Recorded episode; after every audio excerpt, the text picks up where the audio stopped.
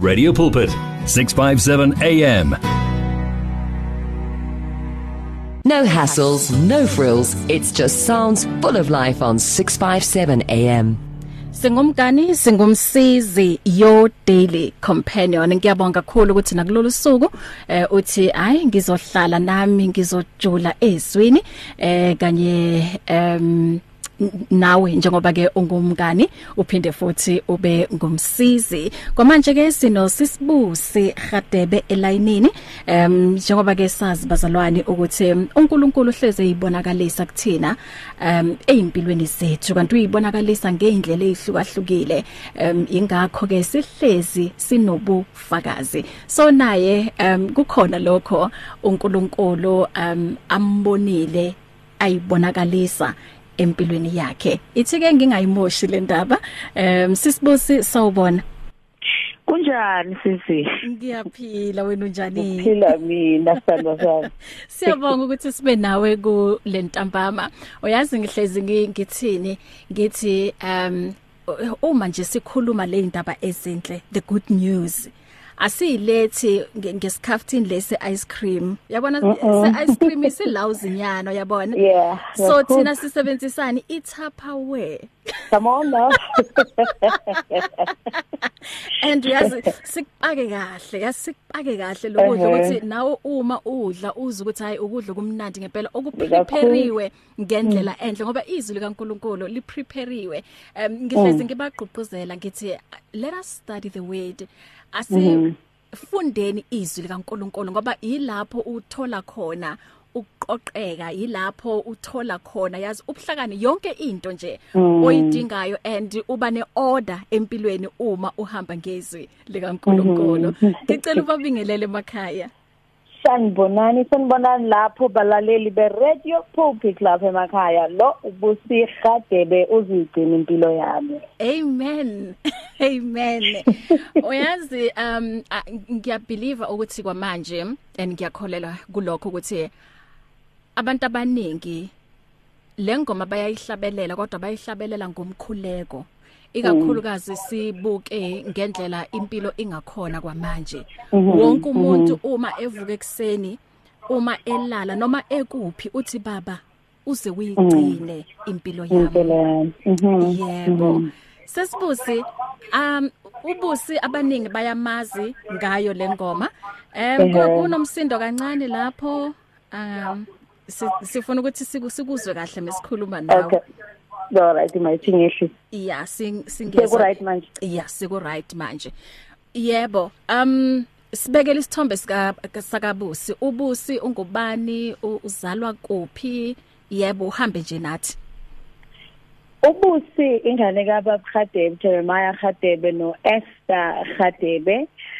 Ubusi wazalelwa eMabuluka, ngazalelwa eMabuluka eCheckers ngo1987 yes 16 zika March. Busi ngikhulela ekhayeni lomculo abantu abathanda ukucula kakhulu. mm Uh eMabuluka bekunale khaya kade ibizwa ispiritual.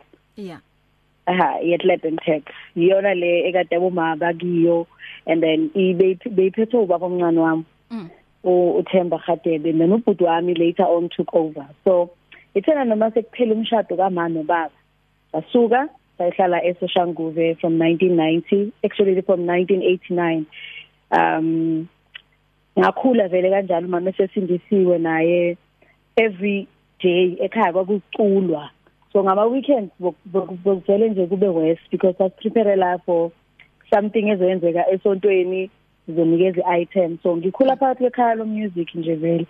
Um ngakhula ngothanda umusic waba yinto e- ekumina nje vele. Because i used to get in, into trouble esikoleni ngokucula. Ngangile ngane leshayela umsindo umsindo wami kwakucula yeah Awuthe makuthe kuyathulwa kunalento ukuthi kubhalwa abarasayo mina ngangirasa ngomculo I can imagine. Ah, yeah ah. yeah so So- umuntu uthanda yeah. So benithi nje menihlezi niyifamily angithi uyazi phela emabuluka kusekhaya nami lapho Yeah, so i ehhe. know ukuthi impilo beyinjani besi besibasa istof samalahle or Yeah, sibasa yeah. imbawula so ng- ng- yazi nginalesithombe sokuthi menihleli lapha kumbawula or nihlele Yebo. estofini uyazi nje be- be- kuculwa nje kahadebe yeah yeah vele kuqhamuka ingoma nje akekho uzobuza ukuthi konje kuzongena ngayiphi voice Yeah. vele nje kube neharmony enhle engenayo khona lapho Yeah. hayi nje ngikhule nje vele umculo kuyinto yasekhaya Aha. Eh, kuyinto ekhona vele. Mm. Mm. so professionally wayiqala waqala nini ke u- ukuhlabelela? Okay. So before ngiyenza professionally ngingacula esikolweni. Mhm ku school choir then after i matric ngase ngijoina ikopano chorus e choral music leyo. And then ngase ngijoina abo black tie ensemble abo opera africa ngenza ama opera um productions from 2007 up to 2012 and i used to sing nabo joy divine which is i feel like lo- lokho bekungipreparela ukuthi ngigcine ngingene kulezi lele sithi professional uh, um, music ke manje. Ngase ngiyongena ke ngiyobheka uba umfundisi Mahlangu Soli Mahlangu obrigado Mm. ngo 2012 no Tabs David no Takindo as well. Mhm so i started doing professionally music ngo 2012 oh. Lo ngenza backing for different artists. And in 2000 and, uh, 2018 ngase ngijoina i Spirit of Praise volume 7 that Wow. was a year before ngizo record mhm Mhm. konje u- u- okay.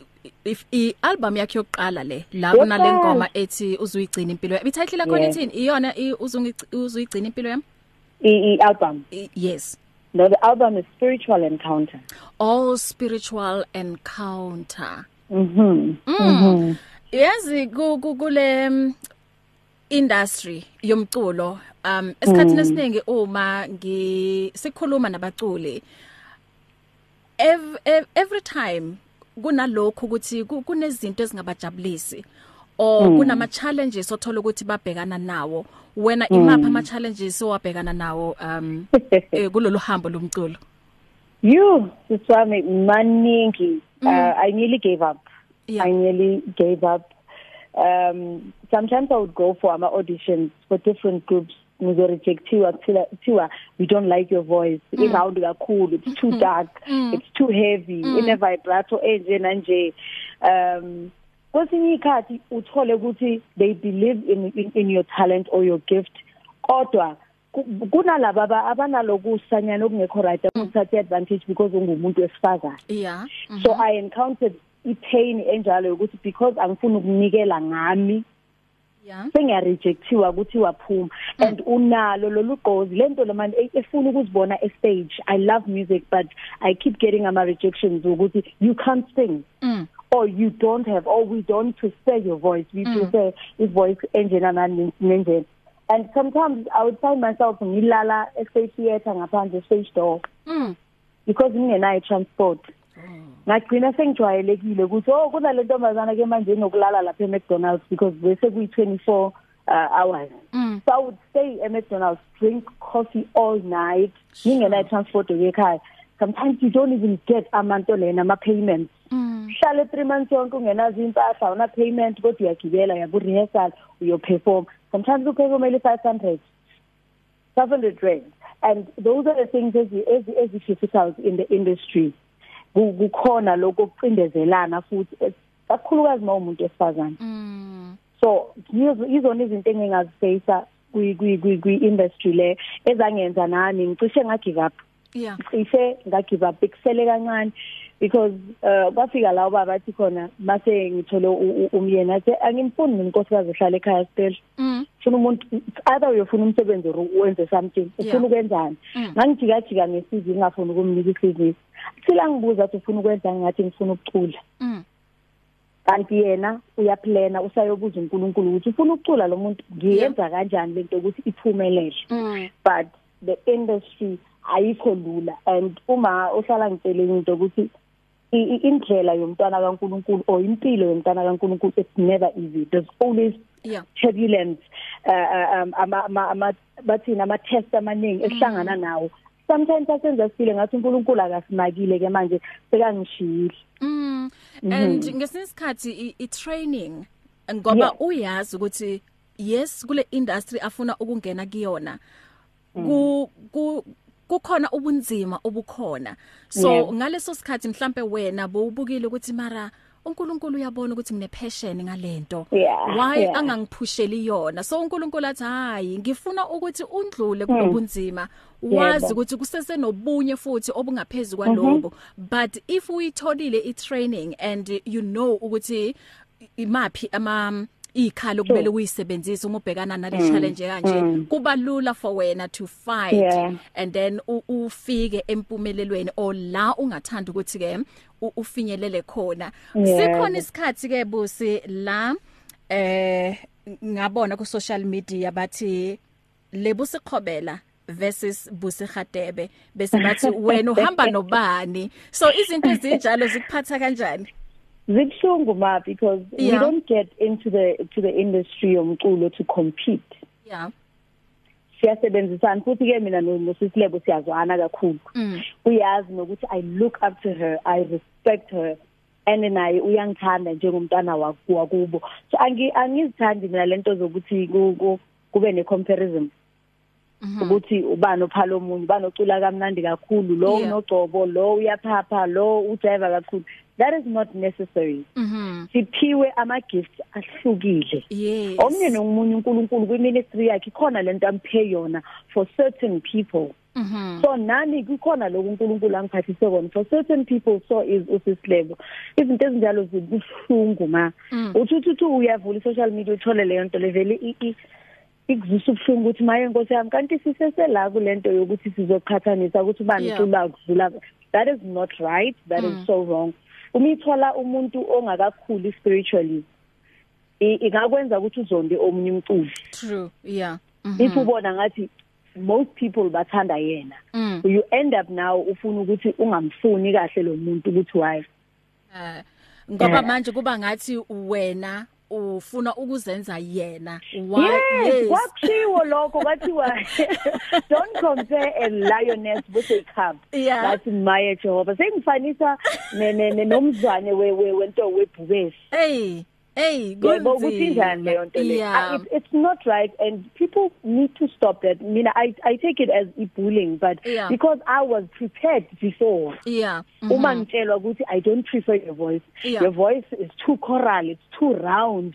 It has this vibrato enjani njani njani Mm. njani i was being prepared for such things. Yes. Ukuthi bakhona abazokhuluma ukuthi hayi mina ngithanda ivoice yakhe hayi uphapha kakhulu. Yeah. hey unale ulungisa kakhulu like ufaka into eziningi. Mm mm. Ah, ah, ngiyaphuma kuzona lezi zinto kumele ngibheke ingizisa ubuhlungu phinde ngithi ankosi into Yeah. ezisokumele ngizi expect ukuthi zenzeke. Yes. Mhm. and sisase lapho ku- kuma challenges abakhona emculweni. Um kuye kwaba khona futhi isikhathi lapho bagxeka indaba yokuthi okay ubusi ucula igospel but manje ngathi uyimixa nabantu abacula enye genre i think i- i- ilesikhathi um ufeature u- ubani konje? DJ Cleo. U DJ Cleo yes u- Yeah. wenza i remix yayo le le ngoma yakho lena. So Yeah. lokho kwakuphatha kanjani especially abazalwane ngoba yibona bebagxeka eh, ku- kulento yakho.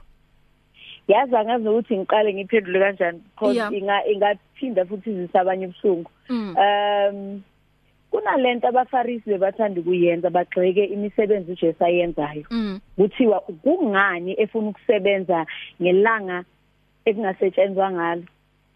Ne? Yeah. bakuthiwa isatha isunday izothathwa ezilanga le- lokuresta. Mm. why esindisa abantu ngalolu suku? Befuna njalo ukuquestiona everything. Mm. But kumele sibuyele futhi ezweni likaNkuluNkulu ukuthi eh kuthiwa go ye unto the world and preach my gospel. Kanti yini gospel is it a certain sound or is it the words that are within the music? Mm. I melody it's not gospel. Gospel amagama angaphakathi kwaleyo melody leyo. Ukuthi beat yagijima noma le beat is slow it's not important. Amagama yiwona igospel. Ukuthi seyifakwe le beat le e- enama piano asilalele umya asiphume kuyona silalele umlayeza olapho ukuthi isaqhubeka ithi uzuyigcine impilo yami.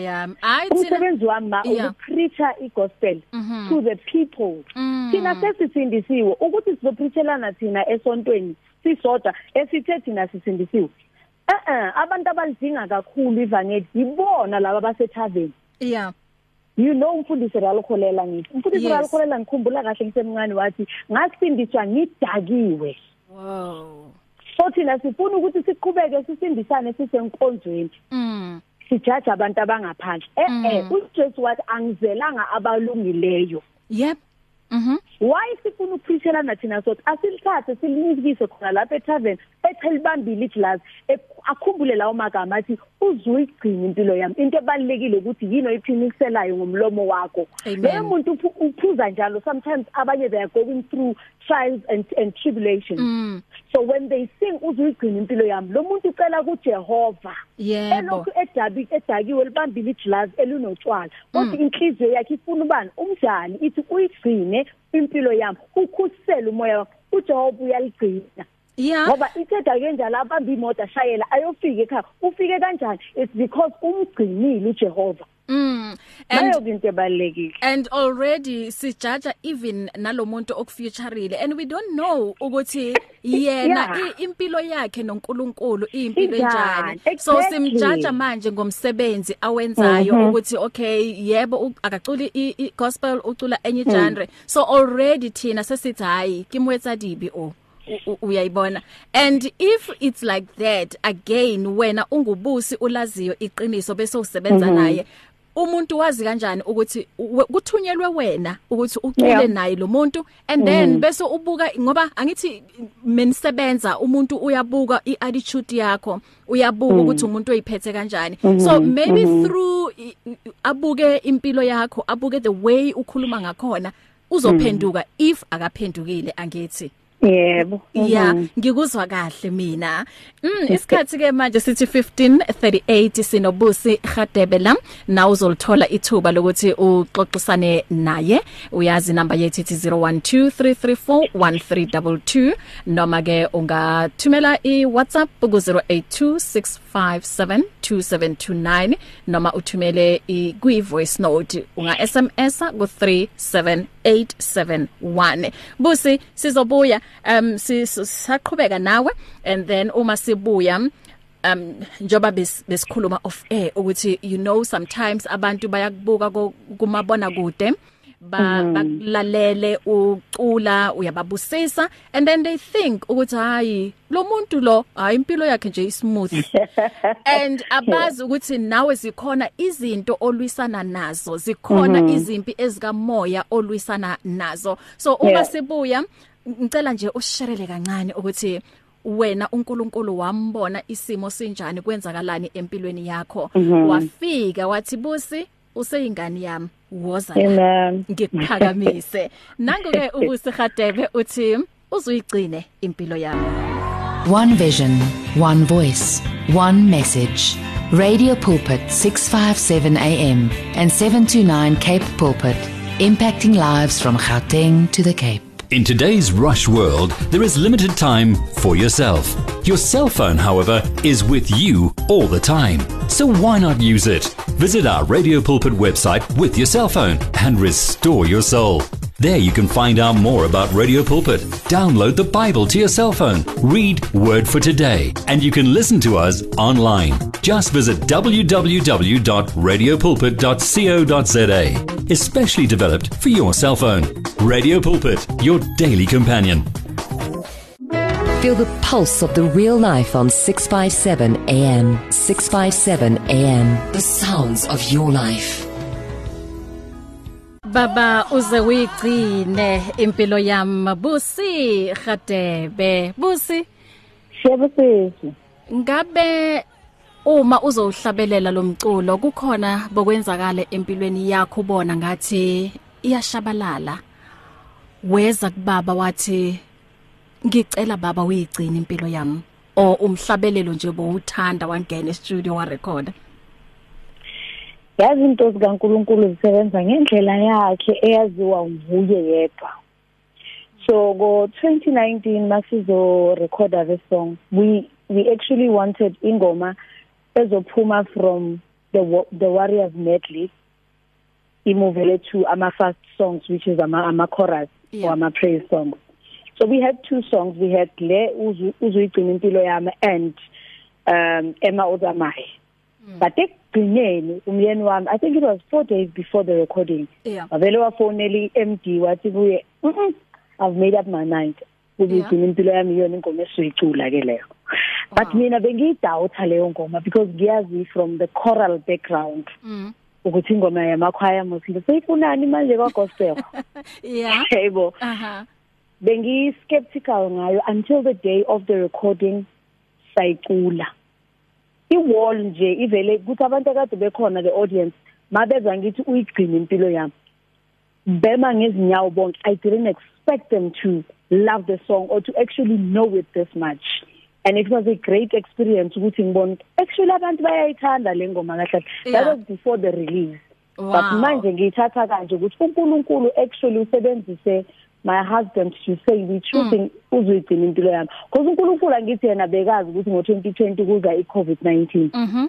and uNkulunkulu bekazi ukuthi abantu abaningi bazosebenzisa le ngoma Yes. as umkhuleko Yes. thina sasingazi we just Yes. thought ah ubaba uthe kuzongena le ngoma and that's it Yeah. little did we know ukuthi actually yena mayikhetha uNkulunkulu dala ikhethile le ngoma. Ukuthi nayi ingoma ezongena and iyona ingoma ingoma ezopholisa abantu iyona ezonikeza abantu uh, um ukuphila ezobanikeza ithemba Mm. lokuthi uNkulunkulu nami ngisho ngingenile emlilweni and ngiyohamba ngibhekile kuwe because i know ukuthi ungibiyele ungigcinile esandleni sakho somusa mawulokuthi ukhusela umoya wami you know ukuthi ngikhuselekile akhonto that will be able to destroy me no matter how hard or difficult the situation may be. Power, power right there. Mm 1548 sinemizuzu embalwa la sithi plus minus 10 minutes. Ngi ithi ngi ngikunikeze yona eh lemizuzu lapha ekhaya. Uyisebenzise uma ke ungathanda ukukhuluma nosesibusi. Gadebe 012 334 1322 012 3341322 eh ngicela ungafoni kusele a minute ngoba ngeke ukwazi ukuthi ube nesikhathi ekutheni ukhulume naye. So ingakho ngithi kwamanje nje zivuliwe incingo noma ungathumela i-voice note nge-WhatsApp ku 0826572729 ungatexta ku 37 871 0123341322 kune WhatsApp lana iphuma kumfundisi uPrince Nhlapo uthi wow siyabonga sisibusi. You are really a blessing to the kingdom of God. May you keep rising and glorifying God. Ngiyabonga mfundisi. Mm. Sisibusi njoba bengisho um before si sizondlula ngala ngathi kuwena yebo uNkulunkulu simbonile ezimpilweni zethu ngeindlela ezihlukahlukile wena wambona uNkulunkulu kwenzakalani empilweni yakho? You ah. Yabona batho nendodana nobufakazi yebo yebo mm. Ngikhule ngihlupheka. Khuliswa umzali oyedwa uma uh ngizozama ukufinqa so that ibe short le yes. At the age of 7 1994 there was a time la ngangidle dustbin esikoleni. Mm. yabona ama dustbin amakhulu wensimbi lawo mhm kade kulahlelwa khona abantwana mabaqeda ukudla bazophonsa ngaphakathi. Mm. mina i would jump inside of that bin and take whatever esebayilahlile ngidle because ngilambile. Sometimes i would go to school ngingenazo nezicathulo noma zikhamisile kusebusika. So impilo yokuhlupheka if uNkulunkulu wakwazi ukuthi angicare from that situation yeah. angibekela ngikhona. Iya- iyakhomba lento ukuthi muhle uJehova kukho okumehlulayo. Sometimes he prepares you mm.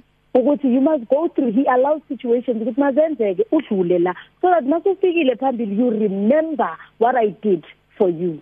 You remember ukuthi ngakupholisa kangakanani? 2018 mangitshelwa ukuthi ngina ama fibroids ama cysts uh, endometriosis Mm. i gave up. Ngakhulekelwa ngakhulekela uh, a month a month later ngayo consult wathiwa awekho ama fibroids hmm. last year i went again ngiyochecka kwigayini kwathiwa no awekho ama fibroids that was september. Nga uh, it was just after umshado wami. In january i started having abdominal cramps. Mm. in february said i went emafikeng ngayo consult kwi um eh kuthiwa yini physician wathola kwala ukuthi i've got multiple fibroids.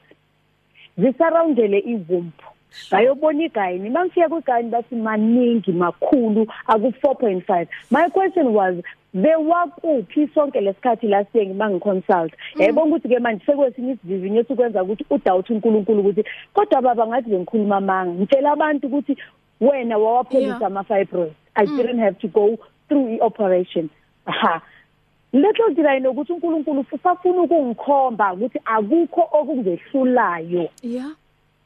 Ngangena esibhedlela ngakhishwa ama fibroids amanye avulwa ngwavula isibeletho kwakhishwa amanye angaphakathi. Nga mangiphuma kwi-theater kwathiwa ngiluze igazi eliningi kumele ngithole igazi futhi.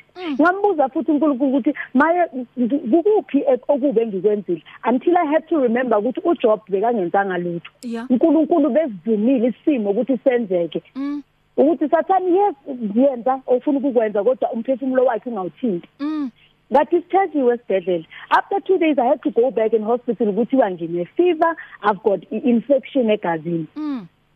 All of that ngesikhathi esisodwa. Mangiphuma lapho ngithi ngiyaphola sisibahle waba worse.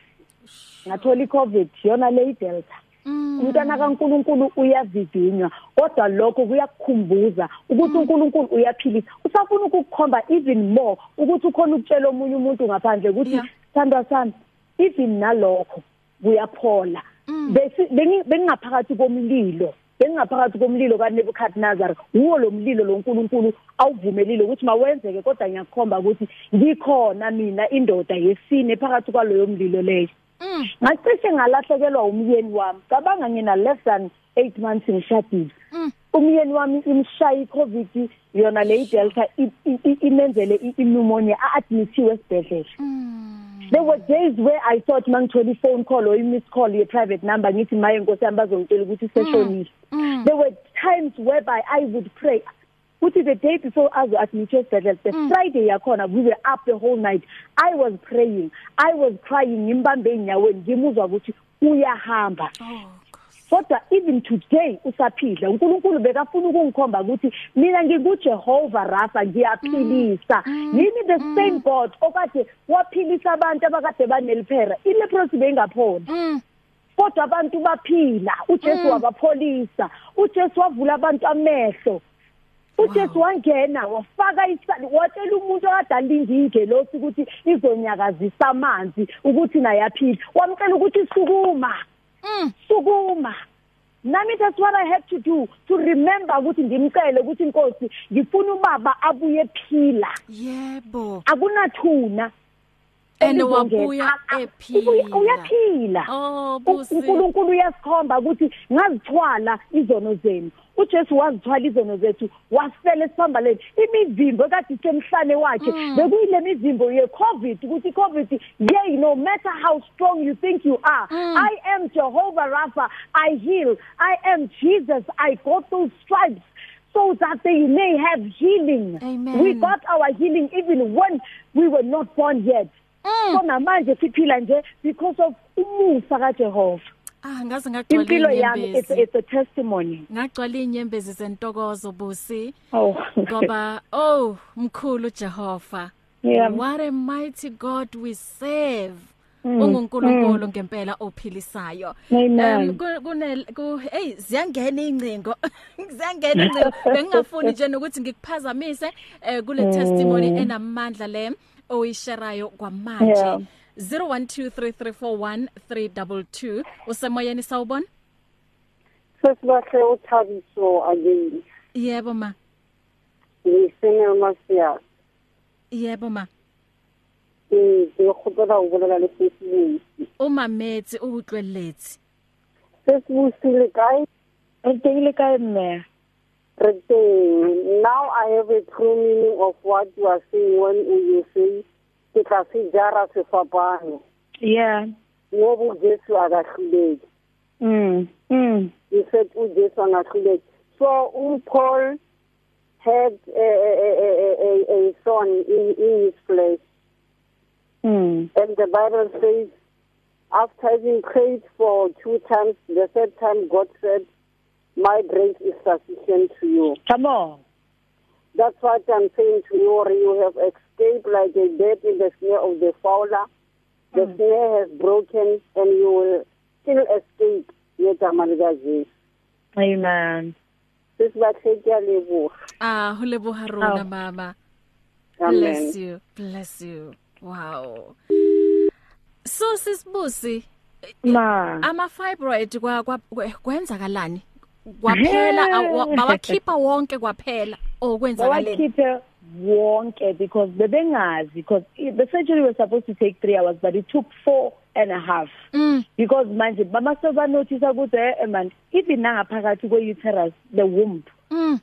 akhona manje kwamele sisikwe lesi sibeletho sivulwe kukhishwa ama fibroids angaphakathi Oh.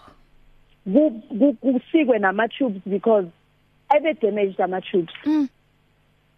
Ngaze ebe ngaba damaged and there was a creator i cancer Yeah. utshela lokho u- u- u surgeon yami ukuthi if you had stayed 3 months longer Mm. than this there was a creator i cancer Sho, ngaze ngaba nama goosebumps. 0123341322 eh ngisesenawo umzuzu noma embili. Uma ke uthanda ukuthi u- ukhulume naye lam eh usisibusi ungathumela nange WhatsApp ku 082657 2729 noma SMS ku 37871 ungathumela futhi nange Telegram kuyona leyo number 082657 2729 em sisazophuma um amazwi akho nje siya ku ku women's month. Sibheke ku August lapho kuzobe kuyi women's month. And uyazi ukuthi uma ukhuluma ngomuntu wesimame hey ah come on now. ukhuluma ngemvokodo hey uyazi singakhuluma lize lishone ilanga. Uh. so wena nje mm, mhlambe kukhona umuntu wesimame kwamanje naye uthole le ndaba lezi osanda kusitshela ngazo ukuthi hey bona kumoshekile la ngaphakathi kuwena or kunomuntu kwamanje um usanda ukuthola ama result ukuthi bona une COVID-19 uteste positive. U- u- uyazi nje abanye nje umuntu uvele kube mnyama angasaboni nokuthi uya phambili noma uya emuva. So ungathini kuloyo muntu othole mhlambe the bad news? Maybe einsukwini ezindlule or einyangeni ezindlule Mangiqale ngokuthi eh uma the the three men bebangena emlilweni Mm. uNkulunkulu azange awucisha umlilo kodwa the fourth man was there namanje owesine ukhona esimeni sakho mm. uzophuma kunomlilo lo ungakhashulanga ngisho Mm. nakancane yeah ngisho noma ungangena phakathi kwamanzi azofuna ukukhukhula angeke ukhukhuleke because ume edwaleni the solid rock mm. that is not even shaken by any circumstance mm. akaguqulwa izimo Mm. uminjalo akashintshi yeah bakuthiwa nothing is impossible indeed nothing is impossible Yeah. uHana wayengathola abantu abantwana kodwa waba khona uSamuel ophuma kuphi kuHana mm. futhi So, aku- akuyiloko kuphela Yeah. uIsaac uzalwa ngubani? Akazalwa nguSara okwakuthiwa beke sekadlulile nase staging sokuthi angaba umntwana. uIsaac mm. So uNkulunkulu makakwazi ukuthi ayenze ngalokho isakho isimo besiyini? uNkulunkulu okwazi ukuthi avule ulwandle abaIsrayeli bandlule bengathelwanga ngisho ithonsi elilodwa. Mm. leso simo sakho besiyini kuwena? iCovid beyiyini kuNkulunkulu owaprovide amanzi ehlane? The solid rock le umozi wayishaya kwaphuma amanzi baphuza baphila. Ehlani uNkulunkulu waphinda waprovide ngemana lapho bedinga khona ukuthi besiyini isimo sakho iCovid beyiyini esimweni sakho makakwazi uJesu ukuthi avuse uLazaro esefile ukuthi iBhayibheli wayeseqala nokunuka Mm. besiyini isimo sakho if you did it that time Yeah. so can he do it even namanje sakho Amen. isimo uzasiguqula kholwa mcele Mm. uzokwenzela kholwa mcele. Nezwi liyasho ukuthi cela uzophiwa. Knock. Uzovuleka lowo mnyango. Yebo ungayicabangeli wena ukuthi ngoba uvaliwe kusho ukuthi ulokiwe. Nqonqoza lapho ungqonqoza khona uthola ukuthi uyayivulekela wona. Exactly. Wow. Busi what a powerful testimony ngempela. Um ungunkulunkulu ongahlulwa ilutho. Amen. Ngithina abantu kwamanje bakhona bashoyo ukuthi hayi le COVID ngeke iphele kodwa thina sithi ngaye uKristu ongumsindisi Yeah. uzoyiqeda. Amen. Amen. Amen. Mm -hmm. Sure, um isikhathi sethu isona nje esidisappointayo. Eh kodwa konke konke siyazi ukuthi ukuhamba ngesikhathi. Um i- kuzoba right sisibusi. Impilo izobuyela ibe Amen. ngendlela ebingayo Mm. before le COVID-19 i- i- iba khona. And abanye bazothanda ukuthi usisibusi bamthole azobabusisa einkonzweni.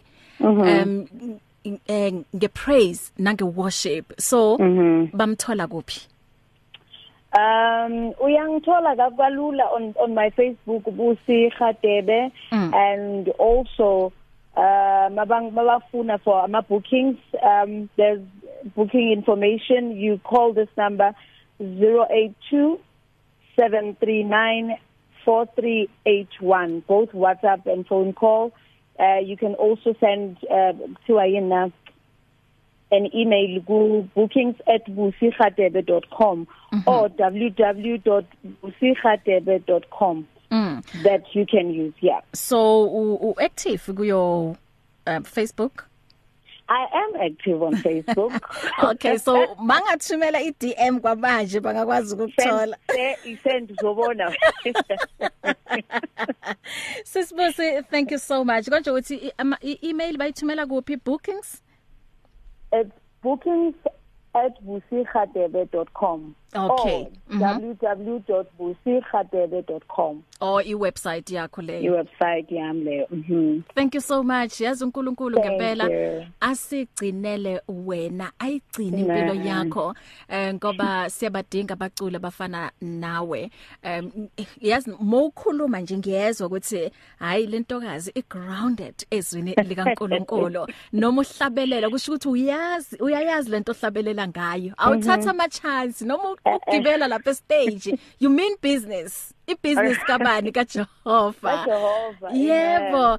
Thank you so much. Um sizophinda futhi sihlangane um bengiwisha nje ukuthi ngoba ula e studio yazi sikhulume nje rishebane emahlombe. Lord. Ay- Ay Nkosi yami cela ningimeme ngelingilanga ngibe Ay khona la. lapho re release another album noma kanjani sizokubiza futhi. Thank you so much. Uyirelease nini vela a new album? Ngiyarekhoda ngo March next year. Oh, okay. 22. Mhm. March Amen. 22, 2022. Hawu Nkosi yami, abo 22 abangaka. Aresejare sefapano sena busi. Come on somebody. simlandele uKristu ngoba siyazi ukuthi indlela le ahamba ngayo iyona indlela esisa kuphi ekuphileni Amen. bless you Thank you. One vision, one voice, one message. Radio Pulpit 657 AM and 729 Cape Pulpit, impacting lives from Gauteng to the Cape. If you need prayer, please send your request to prayer at radiopulpit.co.za or WhatsApp 067 429 7564 or go to Radio Pulpit website on www.radiopulpit.co.za. It's here. Radio Pulpit's new website is live. You can tune in at radiopulpit.co.za and enjoy crystal clear sound with just a click of a button or listen to our podcasts. Discover biblical truths in our daily devotionals and let our stories of hope inspire you.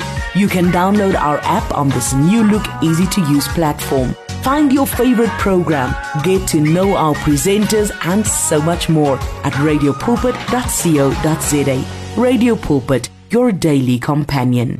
You and 657 AM and life, a winning team on the road to eternity.